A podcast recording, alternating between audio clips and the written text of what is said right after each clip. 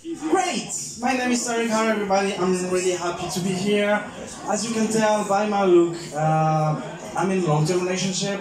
I gave up in life, uh, and that's why it feels really good to uh, see new faces. Um, ladies and gentlemen, without further ado, a joke. Good. Um, have you heard about what's going on in China? Not coronavirus, because fuck coronavirus. Um, the Chinese New Year. Three weeks of celebrations, one of the biggest events uh, in the world, and based on their horoscope, it's my year. No, it's not. You know that. It's not my year, right? I don't believe in that. Like, who, who reads the horoscope? Here? I'm, I'm going to ask you one by one because we're only three, so. Virgo. Virgo? I'm Virgo too. Really? When's Yeah, I think we're compatible. What? When's your birthday? Uh, 4th of September. Five. Five? What? Whoa! Same here? Same here. Same here. I have the same birthday as, as Beyonce. Just so you know, just so you know. right there. Don't be jealous, don't be jealous. Good. So, now, so do, do, do you read the horoscope or you just, uh, you're just being a nice audience? Okay. You're being a nice audience, thank you. So, um, I, since I don't really believe in, in horoscope, I try to, um, like to prove a point. So what I did is like I picked a horoscope from the past, random year, random sign. We'll read it together, and you guys are going to tell me what you think about it. Okay? Yeah, enthusiasm, uh, energy, good. So, I picked year 1939, and I picked the sign Taurus. Do you know who was Taurus in 1939? Hitler. I Adolf Hitler. Uh, I'm used to have fans sometimes in the audience. Okay, so uh, should we start with career or uh, career life or personal life? Career. Career. Okay, I don't want to know anything about his personal life, so let's keep it to career. Okay. A plan has been developing in your mind for quite a while. Put your energy toward the group projects. You aren't ill alone in this world, and you'll find that your success depends on people who share similar ideals. You may have failed your first attempt, but don't let a second chance pass you by. It's now or never. And start with Austria. So, uh, what do you think about this horoscope? Is it too vague? Good, good. Oh, one, one little secret about my act I added the last line.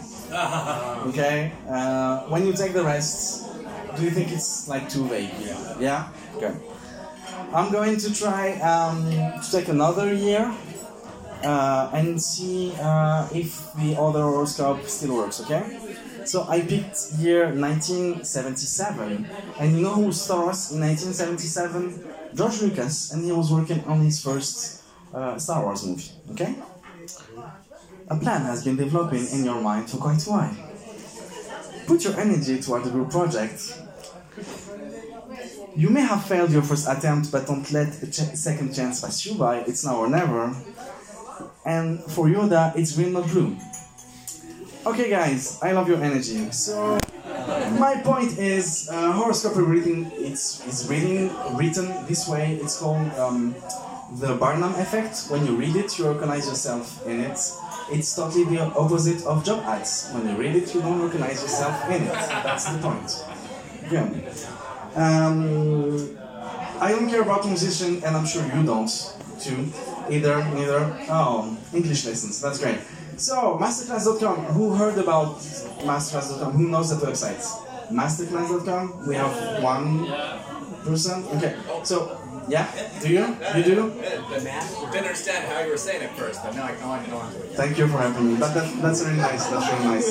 Masterclass.com. Uh, okay, good.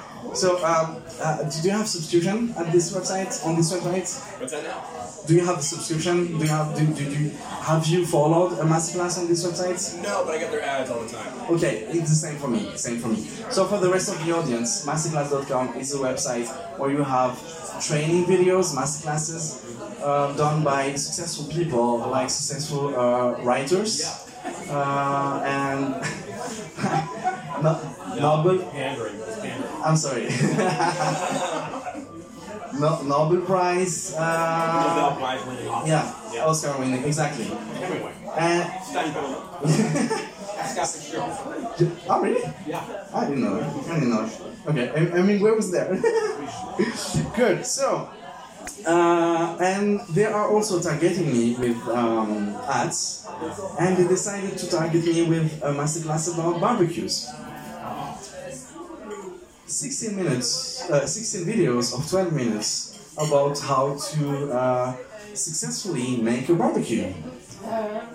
And during the trailer, a guy, the guy says, um, Franklin, his only achievement in, in life is having a successful restaurant in Austin, which is, I think, the case with most of people, most of persons in Austin, by the way. Nobody cares.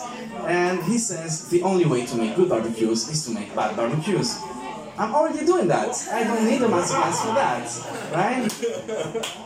And then he says, like the, I, I think the, the the trailer is so boring that one of the highlights is like he looking at the fire and saying, "Fire is really fun to watch." No, it's not. If it was, we would have movies about fire. We would have ads about, "Hey, look at this fire! It's the best fire ever." No, fire is boring. So. Uh, I really, I'm really wondering why they are, uh, why they have a masterclass about barbecues, and I think this guy is a genius, because since he's like next to Nobel Prize and Oscar winning people, I think the the genius, like the, the um, his genius was like nobody will follow the whole training, nobody will follow the whole technique of like his technique of barbecue because he's teaching a way to cook meat for 12 hours. Nobody will take 12 hours of his weekend for barbecue. Uh, I'm fucking this idea and it's not funny anymore. Let's talk about something else. Uh, I'm going. Okay, I'll finish on um, one uh, small note about DNA tests. Uh, I'm sure, guys, you heard about the trend of uh, DNA tests in the US. So 23andMe and uh, Ancestry. So the it works. Um, you just have to send saliva to website, and they tell you where, where you're from. I tried it, and they told me you're Arab. I knew that. they told me I'm Arab. At least it works. It works fine. and sometimes in the results, they can tell you you are 1% Dutch. Who cares about being 1% Dutch? Nobody cares about that. And I think uh, maybe a more useful um, test, DNA test, would be to give you a closest match in terms of personality to someone famous. For example, the results for Kanye West would be you're the black version of Donald Trump.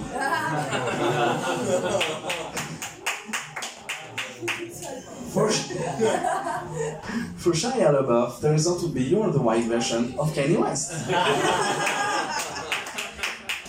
and for Donald Trump, the result would be you're the orange version of yourself. Um, good. Oh, I, I won't go on. A, I think I'm, I'm leaving on this note. Thank you, everybody.